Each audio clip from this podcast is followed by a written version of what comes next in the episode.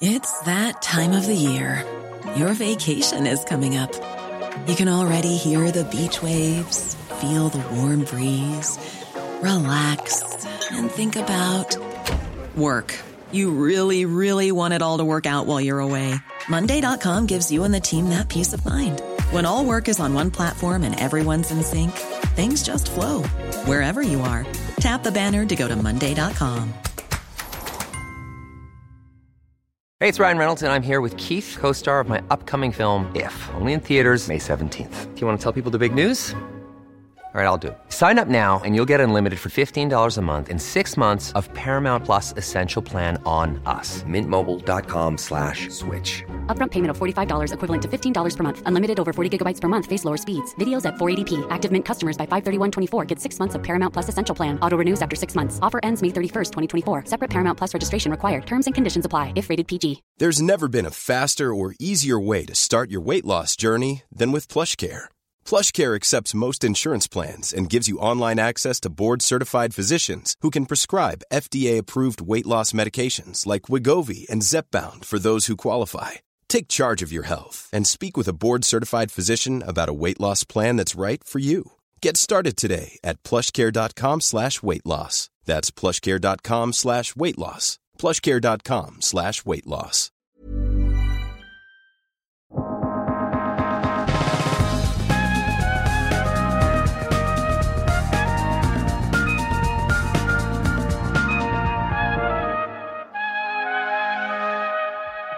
Hej och välkomna till podden Allt du behöver veta om ny teknik. Jag heter Per Danielsson. I det här avsnittet har vi flyttat oss från studion på Fleminggatan i Stockholm till Säve flygplats utanför Göteborg. Jag och min kollega Simon Campanello ska träffa en av Sveriges mest spännande entreprenörer, Anders Forslund, som är VD och grundare av Heart Aerospace. Här i Säve pågår utvecklingen av Sveriges första eldrivna passagerarflygplan. En flygplansmodell som kanske sätter standarden för framtidens elflygplan på samma sätt som Elon Musk Tesla gjorde inom fordonsindustrin. Många veteraner inom flygindustrin har ju hävdat att det är omöjligt att bygga eldrivna flygplan som kan transportera en större mängd människor längre sträckor. Anders Forslund och hans team avser att motbevisa detta och ska under kommande år jaga riskkapital i miljardklassen, anställa 300-500 personer för att kunna gå vidare med bygget av det här batteridrivna flygplanet som i första steget ska kunna ha 19 passagerare och med en räckvidd upp till 40 mil. Men hur ska det här bygget gå till från ax till limpa? Var hittar de kompetensen? Hur utvecklas batteripaketen som ska driva flygplanet? Och hur ser Anders på att ta ett samarbete med Northvolt exempelvis som batterileverantör? Och vilka flygbolag har redan idag visat intresse av att köpa in de här planen?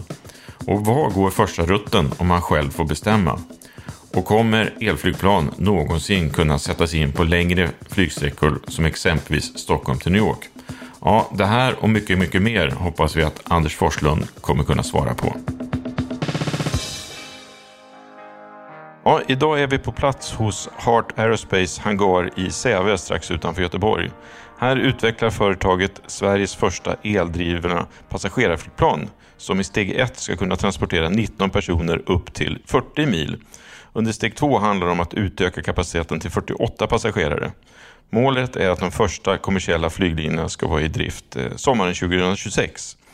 Med mig här har jag också vår reporter Simon Campanello som har följt det här projektet ett tag och som även anser att Heart Aerospace VD Anders Forslund är en av Sveriges mest spännande entreprenörer.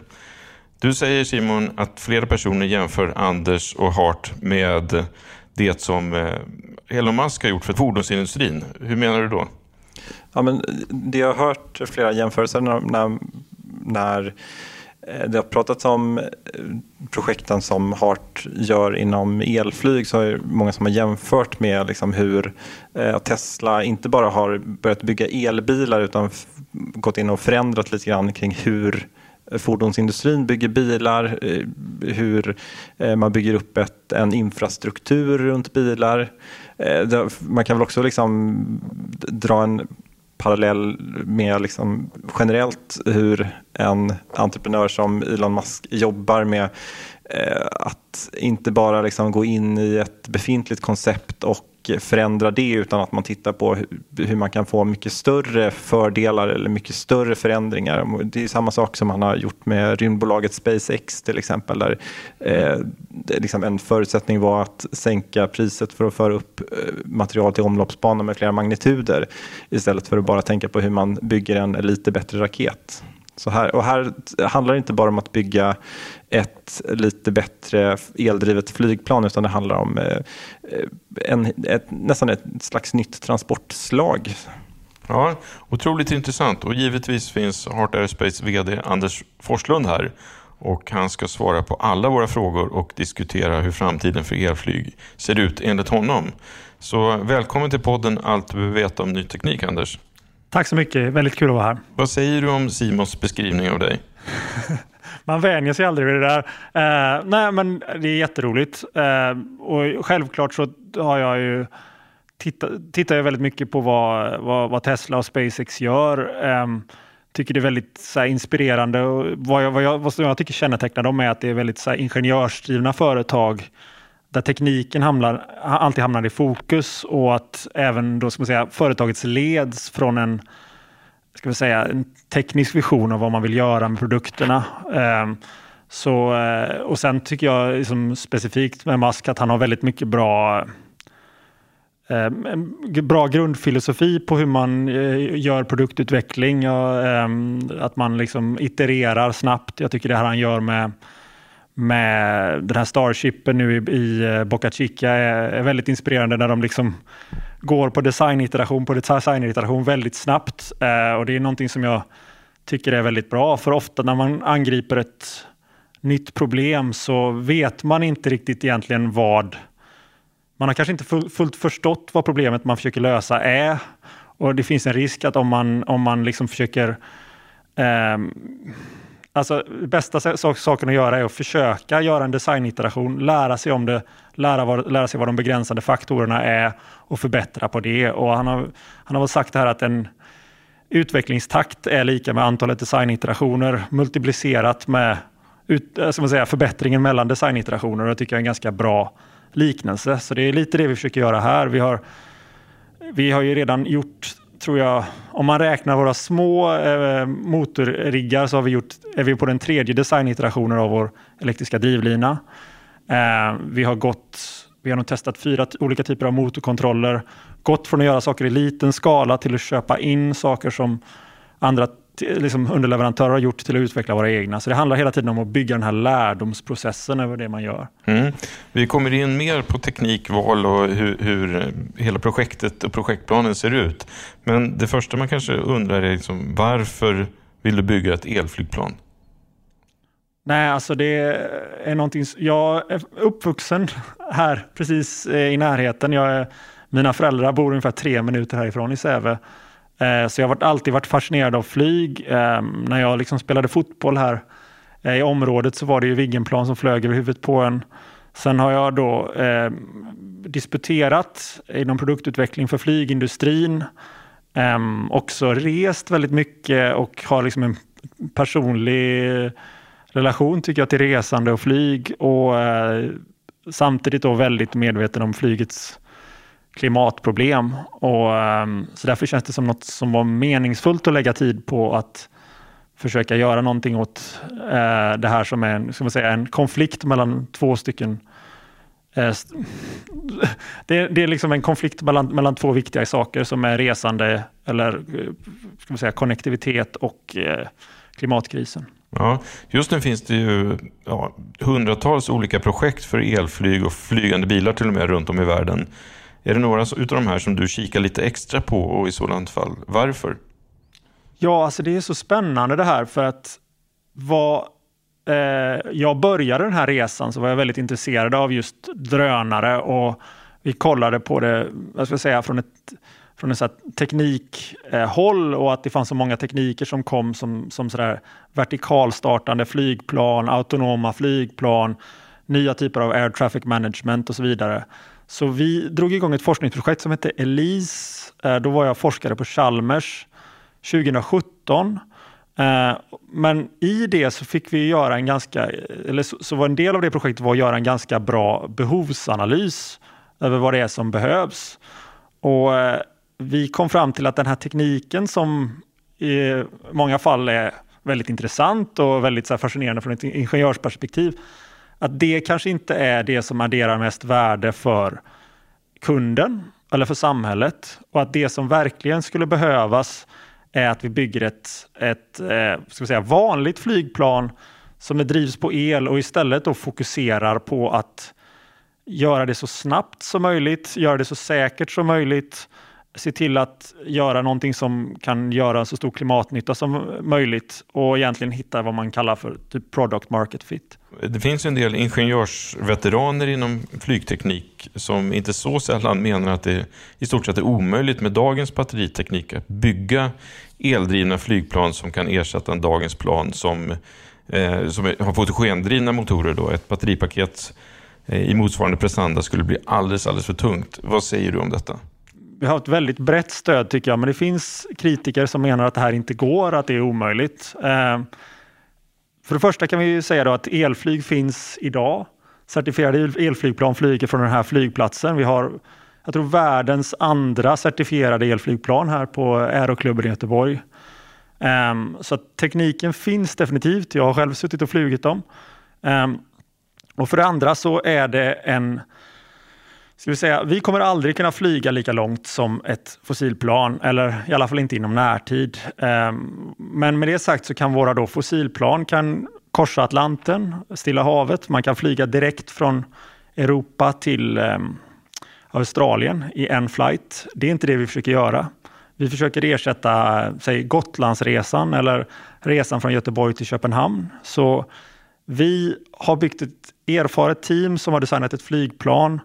Vi har gjort allt vad vi kan för att verifiera våra beräkningar och vi kommer fram till att vi kan flyga upp till 400 kilometer med dagens batteriteknik.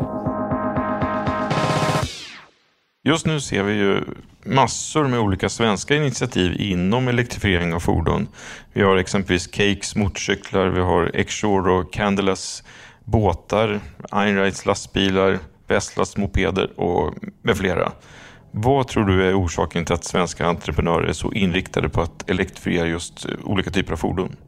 Ska vi säga så här att eh, Sverige har liksom en ganska så här, man, jag har i alla fall eh, varit, gjort mig skyldig i, i tidigare att vara lite hemmablind över vad vi har i Sverige. Vi är liksom en stark industrination eh, som eh, eh, ja, ganska stolt historia inom så vill säga, både fordonsindustrin, flygindustrin och så vidare. Eh, och samtidigt har vi då lyckats väldigt bra inom techindustrin de senaste årtiondena och nu är väl hardware är väl det liksom den nya fronten där. Och eh, jag tycker det är väldigt inspirerande det som händer att folk tar sig an alla de här olika problemen och dessutom verkar göra det väldigt bra. När vi pratar om utvecklingen av elflygplan så är det ju ganska eh, dyr och Eh, kanske också lång process. Hittills har ni fått in eh, offentlig finansiering från bland annat Vinnova och European Green New Deal. Eh, ni har fått riskkapital från EQT och Norrsken. Hur mycket pengar har ni fått in i dagsläget? Då? Ja, vad ska jag säga? Jag kan inte gå in, men vi har ju fått in runt 60 miljoner än så länge tror jag. Ungefär två tredjedelar av det kommer från olika typer av grants, alltså offentlig finansiering. Vi räknar med att det här projektet kommer kosta ungefär 3 miljarder kronor att ta till certifiering. Så att investeringen ökar exponentiellt i takt med att eh, man når eh, högre och högre mognadsgrad för planet. Eh, så det är det här som är den stora, eller en av de stora utmaningarna. Att det, vi har tagit oss an någonting som är väldigt svårt. Ehm, så att bygga ett företag som utvecklar kommersiella flygplan, det ingenting som... Eh, ja, det finns, I många länder har man försökt bygga upp en flygindustri och misslyckats. Um, så det är en extremt stor utmaning. Så att, uh, det har gått väldigt bra hittills uh, och jag tycker vi har alla förutsättningar för att göra det rätt. Vi har rätt uh, typer av investerare, vi har rätt typ av stöd från, från Sverige, Norden, EU. Det här ser jag som en mycket svårare grej, en svårare utmaning än att vi tekniskt sett ska kunna bygga ett flygplan det är att det ska bli vi som får göra detta. Alltså elflygen kommer, Eh, vare sig vi vill, eller va, vare sig vi gör någonting om det åt det eller inte. Men eh, ska det vara ett svenskt företag som är med och leder utvecklingen, ja, då gäller det för oss att leverera och det, eh, det är det som jag tycker är den stora utmaningen. Mm. Och då återstår ju flera miljarder i Eh, kapitalinvesteringar under de närmaste fem åren. Det är något som ganska få svenska startups har lyckats med på så kort tid. Hur, ska ni nå dit? Ja, alltså jag har ju många ska vi säga, för det första så började vi ju vår resa med Y Combinator i Silicon Valley och där har vi ett gäng förebilder då. Um, företag som, Eh, ja dels är det företag som Airbnb som har gått igenom det där, men även eh, Cruise Automation som sen blev köpt av GM. Eh, Boom Supersonic som visar upp sin flygmaskin idag för övrigt. Eh, som lyck har lyckats väldigt bra i sin fundraise och dragit in miljardbelopp. Då. Ehm, så där tittar vi lite, försöker ibland att ska vi säga, snegla på det eller stå på den foten.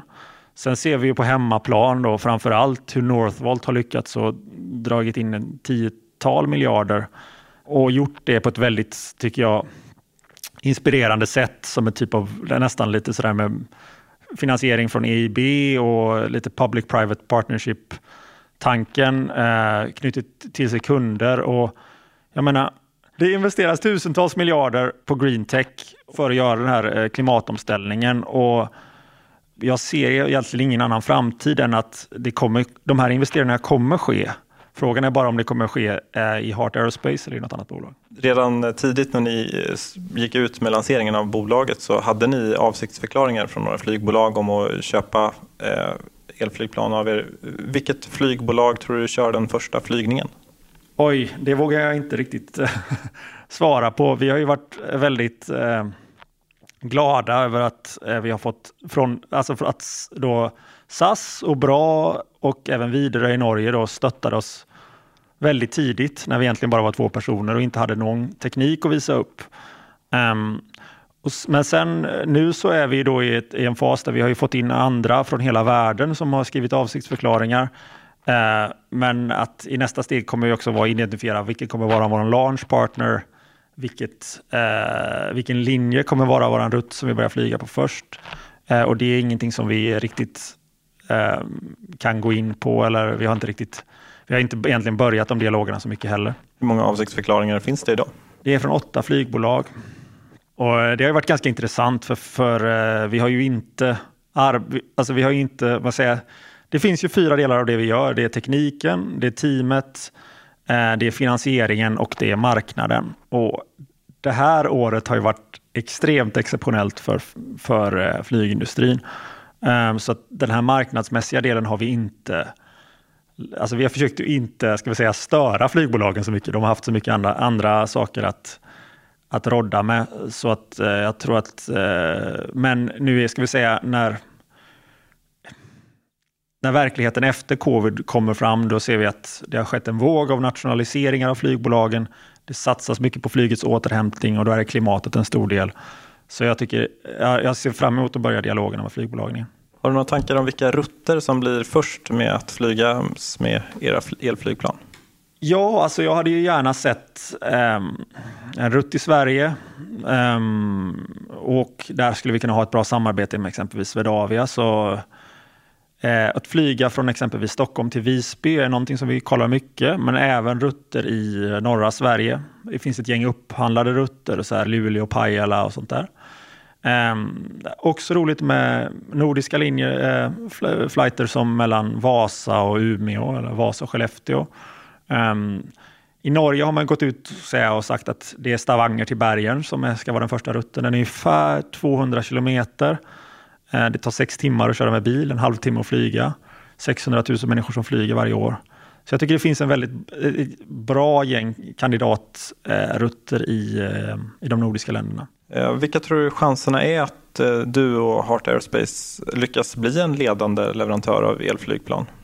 Alltså, än så länge så känns det som att allt har gått våran väg. Då gäller det att inte bli för kaxig. Än så länge så har vi levererat alla våra milestones. Våra investerare är väldigt nöjda. Vi har bra relation med eh, potentiella eh, Series A-investerare också. Uh, men det, självklart är det som att uh, Alltså för varje, det är lite som att så här, spela fotbolls-VM, att man tar sig till liksom, åttondelsfinalen och så klarar man det och så kommer man till kvartsfinalen och så blir det liksom lite svårare varje gång. Eh, och statistiskt sett så minskar chanserna att man ska liksom nå hela vägen. Eh, men eh, än så länge så, eh, ja, jag ser det med väldigt stor tillförsikt och liksom, så det, ja, det är väl allt jag har att säga om det. Om vi pratar lite om elflyg kontra fossilflyg. Eh, hur, hur, ser du på elflygplan i den jämförelsen? När vi har pratat vid tidigare så har du nästan beskrivit eh, det som två olika transportsystem eller två olika transportslag. Det är väl det som är det, är det intressanta då. Att man kan säga så här att elflygplan, de är inte där för att tävla med fossilplan på räckvidd. Det kommer vi inte, den, den, tävling, den tävlingen kommer vi inte vinna. Vi kommer inte kunna flyga alls lika långt. Så vi ska inte tävla i den grenen. Vi ska tävla i ha bra ekonomi så att det blir billigt att köpa en flygbiljett. Att flygplatser som är i när, ligger nära städer eh, uppfattar mindre buller och så vidare. Bättre upplevelse från dörr till dörr och allt det här som, som elflyget kan erbjuda. Jag brukar säga att, liksom att om du jämför typ en, en elcykel med en Harley Davidson så kan man tycka att elcykeln är, ja, den, du kommer inte alls lika långt, du kan inte alls åka lika fort och så vidare. Men en elcykel kan göra en massa saker som en Harley Davidson inte kan. Du kan liksom ja, köra, köra i storstäder utan att störa folk, du kan parkera den enklare och så vidare.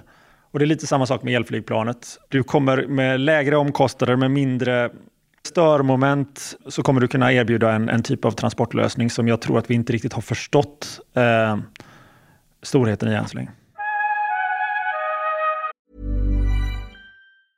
Cool fact a crocodile can't stick out its tongue. Also, you can get health insurance for a month or just under a year in some states. United Healthcare short term insurance plans, underwritten by Golden Rule Insurance Company, offer flexible, budget friendly coverage for you. Learn more at uh1.com. This is Paige, the co-host of Giggly Squad, and I want to tell you about a company that I've been loving, Olive and June. Olive and June gives you everything that you need for a salon quality manicure in one box. And if you break it down, it really comes out to $2 a manicure, which is absolutely insane. It's also so easy to get salon worthy nails at home with Olive and June. The difference between how your nails used to look when you did them yourself and now with the Manny system is a complete game changer. The best thing about Olive and June too is it's a quick dry, dries in about one minute, lasts for five days, and full coverage in up to one to two coats. Visit oliveandjune.com slash perfect Manny 20 for 20% off your first system. That's oliveandjune.com slash perfect Manny 20 for 20% off your first system. Hey, Dave. Yeah, Randy. Since we founded Bombus, we've always said our socks, underwear, and t shirts are super soft. Any new ideas? Maybe sublimely soft. Or disgustingly cozy. Wait, what? I got it. Bombus. Absurdly comfortable essentials for yourself and for those facing homelessness. Because one purchased equals one donated. Wow, did we just write an ad? Yes. Bombas. Big comfort for everyone. Go to bombas.com slash ACAST and use code ACAST for 20% off your first purchase. Hold up. What was that? Boring. No flavor. That was as bad as those leftovers you ate all week. Kiki Palmer here, and it's time to say hello to something fresh and guilt-free. Hello Fresh. Jazz up dinner with pecan-crusted chicken or garlic butter shrimp scampi. Now that's music to my mouth. Hello Fresh. Let's get this dinner party started. Discover all the delicious possibilities at hellofresh.com. Hi, I'm Daniel, founder of Pretty Litter. Did you know cats tend to hide symptoms of sickness and pain? I learned this the hard way after losing my cat, Gingy. So I created Pretty Litter, a health monitoring litter that helps detect early signs of illness by changing colors, saving you money and potentially your cat's life. Pretty Litter is veterinarian developed, and it's the easiest way to keep tabs on your fur baby's health right at home. Go to prettylitter.com and use code ACAST for 20% off your first order and a free cat toy. Terms and conditions apply. See site for details.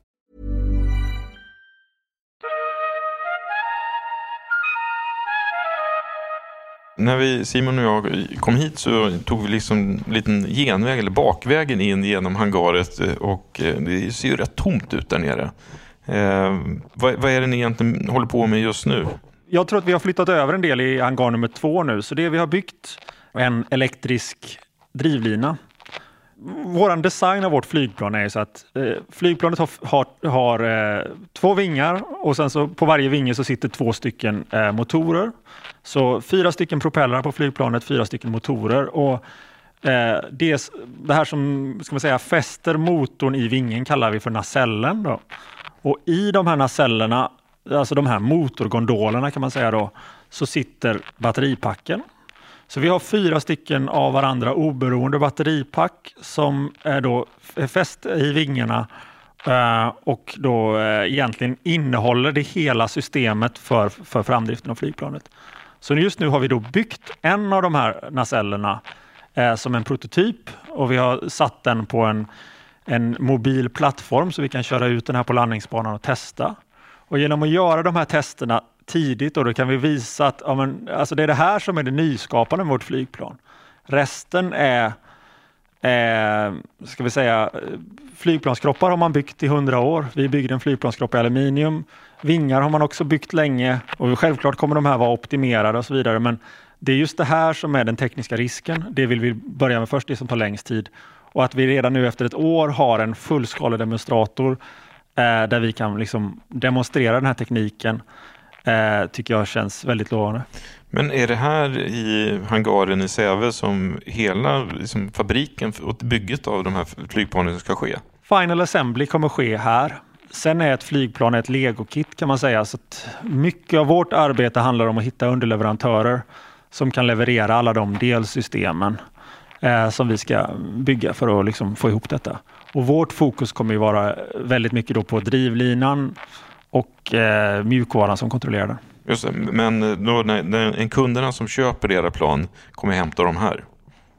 Ja, det är det som är planen nu i alla fall. Ja. Och, och, och, och, vad ska man säga?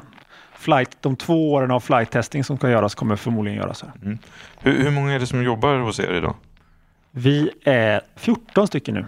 Och hur många kommer du behöva vara framåt? Vi kommer under nästa år gå upp till mellan 50 och 70 och fram till 2026 vara någonstans mellan 300 och 500. Då kan man ju undra, var kommer du hitta kompetensen? är det liksom i Sverige eller runt om i hela världen du, du är ute och letar? Ja, alltså det är hela världen. Um, jag tror innan hangareventet så, så hade vi 1200 sökande hit än så länge. Uh, fem av sex är från utom, utanför Sverige. Sen, uh, så, sen dess har vi fått en explosion av mer, mer uh, ansökningar. Det är jättesvårt att hitta kompetens och alla de som håller på inom flyg är ofta lite sådär lite, lite kringresande. Eh, Så många exempelvis nu är i Japan och har jobbat på Mitsubishi eh, det är en, ska vi säga, en intressant period för rekrytering inom flyget för att det är väldigt många projekt som varvar ner i efterdyningar av covid. Så vi tycker det är väldigt roligt att se alla de kompetenta människorna som söker sig hit. Det låter lite udda om man inte kommer från flygindustrin, kanske att ni bygger ett flygplan för just 19 passagerare. Vad ja. beror det på? Ja, alltså eh, att bygga ett flygplan är ungefär, kan man lika, eh, sätta ett likhetstecken med att certifiera ett flygplan. Certifieringen är så pass viktig för flygplanet. Och då finns det olika certifieringsbaser. Det finns något som heter CS23 som går från då de små tvåsätets flygplanet som vi har här då, som är certifierat ända upp till 19 passagerare. Och sen eh, med 20 passagerare upp så är det något som heter CS25 och det är hela vägen upp till typ jumbojets och A380. Så genom att lägga oss på 19 passagerare så har vi redan då en, en betydligt enklare eh, certifieringsväg för detta som då redan finns ett säga, prejudikat på med den här pipistrellplanet vi har här. Medan hade vi gått för 20 passagerare eller mer så hade vi räknat med en 10 till 15 års period för att bygga det här flygplanet en investering som kanske hade varit fem, sex gånger större. Så vi ser att det här är liksom också då, så det här är liksom en perfekt startpunkt för detta. Och det här tvåsitsiga flygplanet du pratar om, det, det är Pipistrells eh, elektriska eh, skolflyg som man har köpt in här till eh, Säve flygplats. Precis. Och, och, du menar att det, det, är precis samma certifieringsprocess för ett så litet plan som för ett 19-sätes alltså, passagerarplan? Det är samma, ska vi säga, samma kapitel. Sen är det liksom undernivå så det är inte, vi måste ha lite mer grejer. Alltså vi har som en level 4 och jag tror att de har level 1. Jag är lite osäker på det. Men eh, så det är vissa högre krav för oss. Um, men, men det är liksom inte tillnärmelsevis så mycket som det är på eh, de här större flygplanen. Då. Om vi tittar lite på tekniken då. Du, du nämnde här, det kommer vara fyra stycken eh, propellrar med varsin elmotor, varsitt fristående batteripack. Um, hur, hur, stora batteripack behövs och vilken, vilken kapacitet eh, är det per motor som du tänker dig? Ja, alltså vi, varje, varje motor då, eller varje motorkondor kommer ha motsvarande mängd batterier som i två stycken Tesla-batterier. Det är 180 kilowatt eller 180 kilowattimmar. Um, och, uh, så att om en Tesla Model S kanske är på 90 kilowattimmar. Uh, så totalt så är i energi så bär vi ungefär lika mycket energi som i åtta stycken Tesla-bilar. Um, vi försöker definitivt att reducera vikten på det här. Vi är väl någonstans nu på ungefär vi börjar komma upp lite högre än 200 wattimmar per kilogram på packnivå. Eh, jag tror Teslan är på, på 165 wattimmar eh, per kilogram på packnivå. Och det är egentligen Eh, mycket på grund av att alltså, man kan, alltså, Tesla batteripacket är också lite strukturellt. Det, ska ju, liksom, det är ju själva grundplattformen för själva bilen. Eh, så, eh, men vårt liksom, tanke runt det här är att eh, och de beräkningarna vi gör, de simuleringarna vi gör, gör vi med de batterierna som vi har att tillgå här. Eh, så vi ser ju en väldigt stor potentiell uppsida på att eh, nya batteritekniker kommer. Jag vet att dagen innan vårt stora Hagar-event så var ju den här Tesla Battery Investor Day där de i princip visar teknik för att öka det här med 50 procent till och kanske till och med komma upp alltså någonstans mellan säg 320 och, 3, och 400 wattimmar per kilogram. Så det hade ju gjort att vi kunnat flyga betydligt längre. För den här dagens flygsträcka på 40 mil ungefär, mm. det, det, är baserat på dagens batteriteknik. Precis, så all utveckling på den fronten kommer betyda längre räckvidd i förlängningen för era flygplan? Ja, definitivt. Så att det är liksom lite så här det är jättespännande att följa utvecklingen. Eh, så att vi, jag tror att vi har ungefär en, kanske två, tre år till tills vi måste bestämma oss för vilket batteripack vi ska certifiera. Men sen är tanken då att när, när i takt med att det kommer ny, vi måste också bygga upp en organisation för att då kunna göra batterier flygvärdiga och fortsätta göra det. Så att ett, en, en, ett Tesla-batteri sliter du inte ut på tio år. medan om du flyger tio gånger om dagen så har du gjort 3000 cykler på ett år och då kanske det är dags att byta batterierna. Så, att vi, eh, så vår målsättning är även då att kunna uppgradera flygplanen så att samma flygplan som kanske flög då upp till 40 mil eh, 2025 kan flyga ännu längre då 2030. Liksom. Um, men med det sagt så är det mycket annat också. Som sagt, jag sa det förut, att vi tävlar inte på räckvidd. Eh, vi tror ju att alltså alla de här rutterna som jag nämnde inledningsvis är ju inte liksom eh, 400 kilometer, de är 200 kilometer eller kanske lite mer. Eh, och Det handlar ju dels om att vi ska ha marginaler för eh, eh olika väderförhållanden, olika omdirigeringar och så vidare.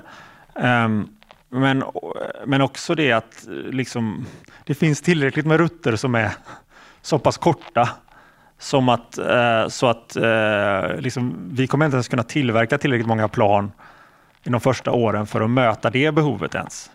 Så, så vårt mål är att göra någonting som då kan komma ut och vara då säkert, driftsäkert och även då säkert och tillförlitligt och ha bra ekonomi och att man kan börja flyga de här korta rutterna och sen expandera dem. Om vi tittar på batterierna, har ni, en, har ni valt en batterileverantör idag eller är det något som ni fortfarande funderar över? Vi har använt eh, Sony celler. Vi har, vi har, just nu tror jag vi har fyra olika kemier som vi testar, men det är Sonys VTC6-cell som vi använder just nu eh, som är känd för att vara ska vi säga, väldigt bra termiska egenskaper framför allt. Vi har ju pratat om en stor svensk batterisatsning i Northvolt. Finns det någon ambition om att bygga planen med Northvolt-batterier? Alltså, jag är, framförallt kan jag säga så här att jag är sjukt imponerad av vad Northvolt har gjort. Eh, Peter Karlsson framförallt tycker jag är en, en stor förebild för mig. Eh, det de gör med att de vill bygga ett väldigt grönt batteri tycker jag också är någonting som jag verkligen skriver under på. Och vi har ju liksom, de har också varit stöttande för oss och vi har haft de här dialogerna. Eh, sen har vi liksom inte något, eh, som ett, som jag säga, eh, inget formellt samarbete som vi kan prata om i nuläget. Så. Eh, men det hade varit, självklart hade det varit jättekul att, eh, att få testa deras celler och se hur de presterar. Och, ehm, det hade varit, eh, ja, jag är väldigt imponerad av vad de har gjort. Och hur ser det ut med teknikutvecklingen här under de kommande åren? Vad, vad är, vad är tidsplanen och vad, vad, måste ske närmaste åren för att ni ska hinna bli klara till 2025 med ett certifierat plan? Så nu är vi liksom i den konceptuella fasen då när vi har hållit på lite. Vi har ju då dels ska vi säga, gjort de konceptuella beräkningarna på aerodynamiken, eh, på strukturen och framförallt då byggt det här, eh, den här drivlineprototypen. Um, så nästa steg som börjar i början av 2021 och håller på i 18 månader, alltså till sommaren 2022, är liksom den preliminära designfasen. Och det är då vi ska skala upp till ungefär 70 personer. Um, under den här tiden kommer vi då mycket kommer centrera eller fokusera på dels att certifiera organisationen men också ha kontakter med underleverantörer. Från 2022 till början av 2024 så kommer vi gå igenom en så detail design-fas där mycket av alltså byggandet av exempelvis då verktygen som man säger då formarna för att göra flygplanskroppen byggs. Eh, och sen i början av 2024 så kommer vi börja flight testing och så målet är då att 2026 så ska det flight testing-kampanjen vara klar och då kan vi börja leverera flygplan. Om man ska sammanfatta det här eh, med teknikutvecklingen. Vi, vi pratade lite i början här om att det finns jämförelser med det ni gör och det Tesla gör. Vad, vad tror du att ni har chans att bli ett Tesla-bolag för flygindustrin? Eh, alltså, det hade varit jätteroligt. Um, jag tror att i allmänhet så gäller det för alla sådana här bolag att man får, eh, alltså, man får ha höga ambitioner när man gör sånt här. Och så får man räkna med att det finns en viss risk att man misslyckas. Eh, men eh, det finns ju sådana liksom, ska vi säga, e-, effekter inom startup-världen att man måste ha liksom en ambition av att ta över världen. Annars så, eh, så bygger man inget liksom, framgångsrikt företag. Um, så jag hoppas definitivt att liksom, vi ska bli jättestora och nästa Tesla. Uh, men uh, försöker inte odla någon sorts megalomani. Gud, jag kan inte ens säga ordet. Megalomani samtidigt. Nej.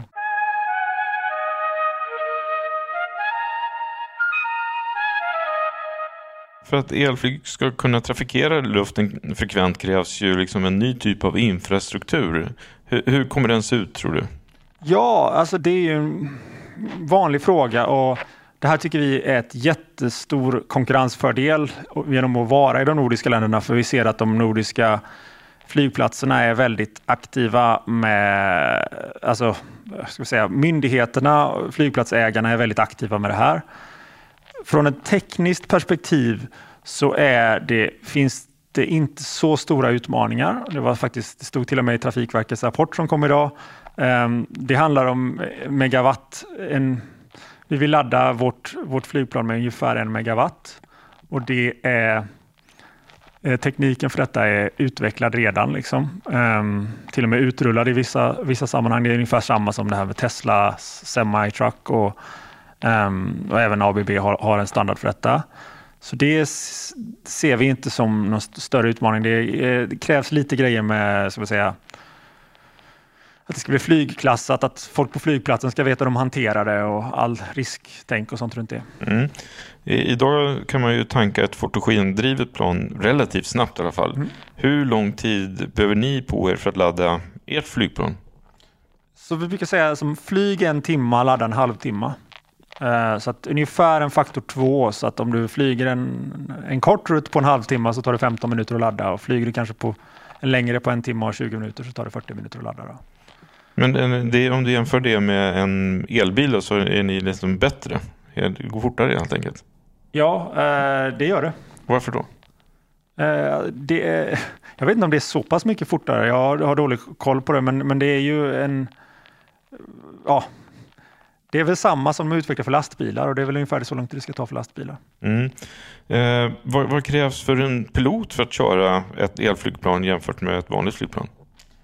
Ja, alltså det är ju någonting som, ska vi säga, grundläggande är det betydligt enklare. Jag har ju flugit det här tvåsättes flygplanet och eh, för mig så, som inte kommer från den gamla skolan så tycker jag att det känns väldigt mycket mer naturligt. Det är väl lite liknande med elbilar, de är ganska lättkörda. Men för varje flygplanstyp så krävs det ju en speciell typ av flyg, eh, pilotträning. Mm. Så man hoppas ju och jag ser, ser en det första som händer inom elflyget är att det kommer massa till flygskolorna. Så det är massa piloter som lär sig flyga elflygplan innan det ens finns flygplan. Va? Eh, så att jag tror att, att vi, vi hoppas att vi får liksom en så virtual circle där med folk som börjar vara intresserade av att bli piloter igen. Men hur, hur kommer cockpiten se ut? Kommer det vara alla dessa knappar och instrument? Eller är det Ja. avskalat? Eh, På och av bara? på av, det är massa som försvinner då, så här oljetryck och allt vad det nu är. Eh, Jag vet att det tar ungefär 10 minuter, när jag har flugit med Aeroklubben tar det ungefär 10 minuter att gå igenom checklistan för de gamla flygplanen och, och för elflygplanet är det i princip bara att rulla ut och sticka. Eh, Men eh, när det kommer till ett passagerarflygplan, alltså de allra flesta flygplan har gått över till vad som kallas för en glass cockpit, att du har liksom motsvarande till tre stycken iPads Ehm, som du kollar på eh, finns en, mängd knappar fortfarande eh, och vi kommer ju köpa in ett sånt här system från en av de etablerade avionikleverantörerna. 2026 är ambitionen att första kommersiella flyglinjen ska vara igång. Yes. Eh, när tror du att vi har ett mer utbyggt kommersiellt nätverk av elflygplan i Sverige? Nej, men jag tror att eh, ja, alltså 2026, de första rutterna. Ehm, eh, och, och jag menar, jag tycker de här målen som att i Sverige har vi att det, det ska vara fossilfritt 2030. Eh, grejen är att det är svårt för mig att egentligen säga, som, uttala mig om sånt här, för det, det är massa saker som är utanför min kontroll. Eh, vad kommer de politiska styrmedlen vara? Hur kommer, eh, ska vi säga, den nationella diskussionen runt exempelvis då klimatteknik, klimatförändringar, hur kommer det stöttas? Eh, hur kommer plan, planerna se ut? Så att det är ju väldigt svårt för mig att säga. Det jag kan säga med säkerhet är, är liksom att de tekniska förutsättningarna för att göra detta så att vi har ett inrikesflyg eh, som är eh, elektriskt under 40 mil 2030 tror jag är liksom där. Så eh, det är politiska beslut och kommersiella drivkrafter som ska lösa resten. Om man tittar utanför Sverige och Norden när ni också fått intresse, hur, hur har ni fått ett internationellt intresse för planen också? Ja, alltså vi har ju sett att det är, finns ett jättestort internationellt intresse. Vi ser ofta att det är ett gäng faktorer som ska finnas i ett land för att man ska vara intresserad av elflyg. Dels handlar det om att ha liksom en ska vi säga, progressiva regeringar med ett, eh, och ett, ett eh, befolkningsunderlag som är engagerade i klimatfrågor. Eh, man ska ha en geografi där flyget lämpar sig väldigt väl. Man ska ha tillgång till förnyelsebar energi för att ladda flygplanen. Och det ser vi exempelvis då i, i de nordiska länderna, i Kanada är väldigt bra, på Nya Zeeland är väldigt bra, eh, norra England är väldigt intressant och även i, i liksom kontinentala Europa. Men bara man kommer ner liksom i Tyskland så är ju energimixen något helt annorlunda så att det är inte fullt lika bra där. Det här handlar om att bygga ett svenskt elflygplan, men om man tittar på liksom era eh, blivande konkurrenter, så här jättebolag som Airbus eller Boeing, eh, tror du att det finns något intresse för dem att köpa in eran eh, tekniska plattform för att själva kunna bygga liknande, eller är ni på ett, e-, inne på ett helt eget spår här? Ja, alltså det är så svårt för mig att uttala mig om det. Ehm, eh, Airbus har ju Airbus har exempelvis då, eh, Airbus är de jag känner till bäst. De har ju inte, de har aldrig byggt egentligen eh, flygplan som är under 150 passagerare. De har aldrig varit aktiva i den här marknaden. Faktiskt, eh, faktum är att det är väldigt få som bygger eh, små regionalflygplan längre. Eh, de har också, som jag säger, ett, egentligen ett ansvar mot sina befintliga kunder som efterfrågar en lösning för att flyga över Atlanten exempelvis. Så de har nu gått ut och sagt att de kommer satsa ganska stort på vätgas. Ehm, det finns väl vissa, och då pratar vi om, om eh, traditionella turbinmotorer som då förbränner vätgasen. Um, så att, uh, det, vilket jag tycker är ett väldigt förståeligt val för vad de gör. Um, så, uh, och, och sen hur, hur, hur de ser på vår teknik framöver. Um, det har, kan jag inte uttala mig om. Om, om vi ändå pratar om vätgas och, och andra energislag, man pratar ju också om biobränsle för flyget. Um, Ser du elflygplan som liksom en, på sikt en lösning som helt kommer ta över även om det tar lång tid innan Eh, de riktigt allra längsta rutterna går att flyga på el? Eller är det liksom, ser, vi framför oss, ser du framför dig en mix av elflygplan, vätgasdrivna flygplan, eh, biobränsle? Alltså definitivt en mix eh, och jag tycker det är väldigt viktigt att man att man satsar på brett på olika tekniker. Ehm, det är liksom ja, man ska, vi ska väl bygga liksom en klimatportfölj här där, där vi liksom satsar. Vi får, vi får liksom se vad de olika teknikerna tar oss. Um, det jag kan säga med, med elflyget som gör att jag tycker det är så spännande med det här är att det är inte, det är inte bara en klimatlösning utan det är också någonting som är en bättre ekonomi runt och en massa andra de här eh, eh, ska vi säga, ljud och lokala avgaser och så vidare också. Så vi kommer erbjuda någonting som, om vi ska återkoppla till Tesla så sa de att deras mål var inte att bygga världens bästa elbil utan det var att bygga världens bästa bil och de har kunnat visa att en elbil faktiskt på många sätt är en mycket bättre körupplevelse. Och på samma sätt så tror jag att vi kan, kommer kunna visa att elflyg för att flyga till Gotland exempelvis kommer vara en bättre upplevelse eh, för eh, konsumenten. Det kommer vara billigare, det kommer vara enklare att ta sig till flygplatsen eh, och det kommer ha en tätare avgångar. Um, och samtidigt så, så, kommer man eh, ha gott samvete för att man inte har, eller för att man flyger med någonting som har nollutsläpp. Då. Eh, ni befinner er mitt i utvecklingsarbetet här, men eh, när tror du att ni har kommit så långt att du själv kan premiärflyga ett fullstort elflygplan som ni tillverkat själva? Oj, alltså våran, våran CTO har här nere, det kan vi kika på sen, men han har eh, massa sån här eh, Eh, flyguniformer, alltså overaller från alla sina flight testing-program med Honda Jet och Saab 2000 och det är klart att det ser man ju fram emot när man får sätta på sig en sån overall och göra dem, den typen av testning också. Jag vet inte om, om jag kommer vara liksom om jag kunde kunna tillföra så mycket i flight testingen, men det är klart att det hade varit roligt. Men från 2024 så börjar vi flight testa och då får jag väl tjata till mig och provflyga lite. Ta på dig uniformen och flyga iväg. Stort tack Anders att vi fick komma hit och eh, prata med dig. Tack ska ni ha.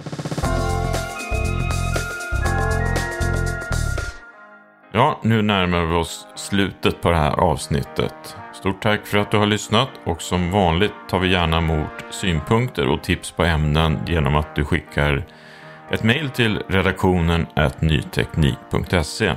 Alla våra avsnitt och bonusklipp finns såklart på de vanliga poddplattformarna och på nyteknik.se. Tack för idag. Hej hej!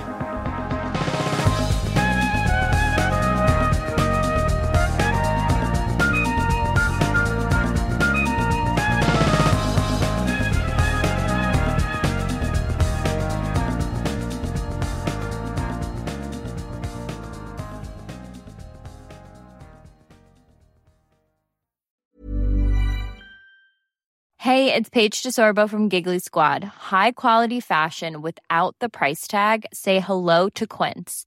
I'm snagging high-end essentials like cozy cashmere sweaters, sleek leather jackets, fine jewelry, and so much more. With Quince being 50 to 80% less than similar brands.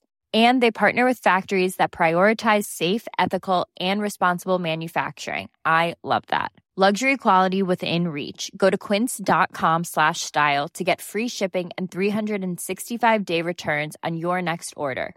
Quince.com slash style. Hold up. What was that? Boring. No flavor. That was as bad as those leftovers you ate all week. Kiki Palmer here, and it's time to say hello to something fresh and guilt-free. Hello Fresh. Jazz up dinner with pecan-crusted chicken or garlic butter shrimp scampi. Now that's music to my mouth. Hello Fresh. Let's get this dinner party started. Discover all the delicious possibilities at hellofresh.com. Hi, I'm Daniel, founder of Pretty Litter. Cats and cat owners deserve better than any old-fashioned litter. That's why I teamed up with scientists and veterinarians to create Pretty Litter. Its innovative crystal formula has superior odor control and weighs up to 80% less than clay litter. Pretty Litter even monitors health by changing colors to help detect early signs of potential illness. It's the world's smartest kitty litter. Go to prettylitter.com and use code ACAST for 20% off your first order and a free cat toy. Terms and conditions apply. See site for details.